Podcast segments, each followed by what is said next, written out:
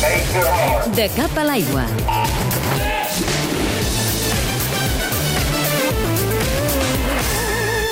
El Palau Sant Jordi, la piscina Bernat Picornell, la municipal de Sals de Montjuïc i el Port Vell seran els escenaris del Mundial de Natació de Barcelona que es disputarà d'aquí a cinc mesos. Aquests escenaris estan tots definits, la mascota i el logotip del Mundial també, fins i tot la banda sonora.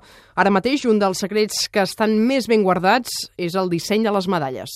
Les medalles d'aquest any jo crec que tornaran a ser innovadores, eh, tot i que innovar en una cosa com una medalla no deixa de ser complicat perquè se'n veuen moltes i els Jocs Olímpics de Londres també sigut motiu d'admiració perquè han sigut eh, molt, lloades per tothom perquè han sigut peces realment eh, maques.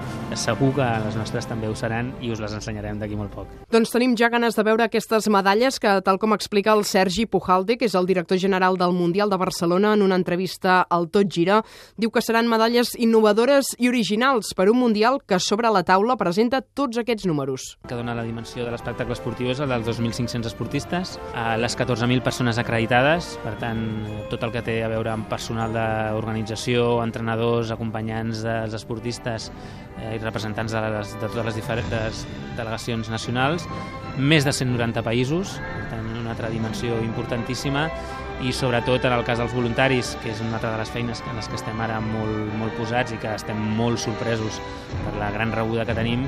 En aquests moments estem parlant de més de 4.000 sol·licituds de, de persones que s'han adreçat a nosaltres i que estan ja immerses en els processos de formació i de selecció, que seran els voluntaris. Números i xifres que, malgrat el context actual de crisi que vivim, el Mundial de Barcelona convertirà en una autèntica injecció econòmica la ciutat. Per cada un dels euros invertits en l'organització del nostre campionat, de manera directa n'hi ha un impacte de 5,5 euros. Per tant, és, eh, aquest és el, aquesta és la dimensió.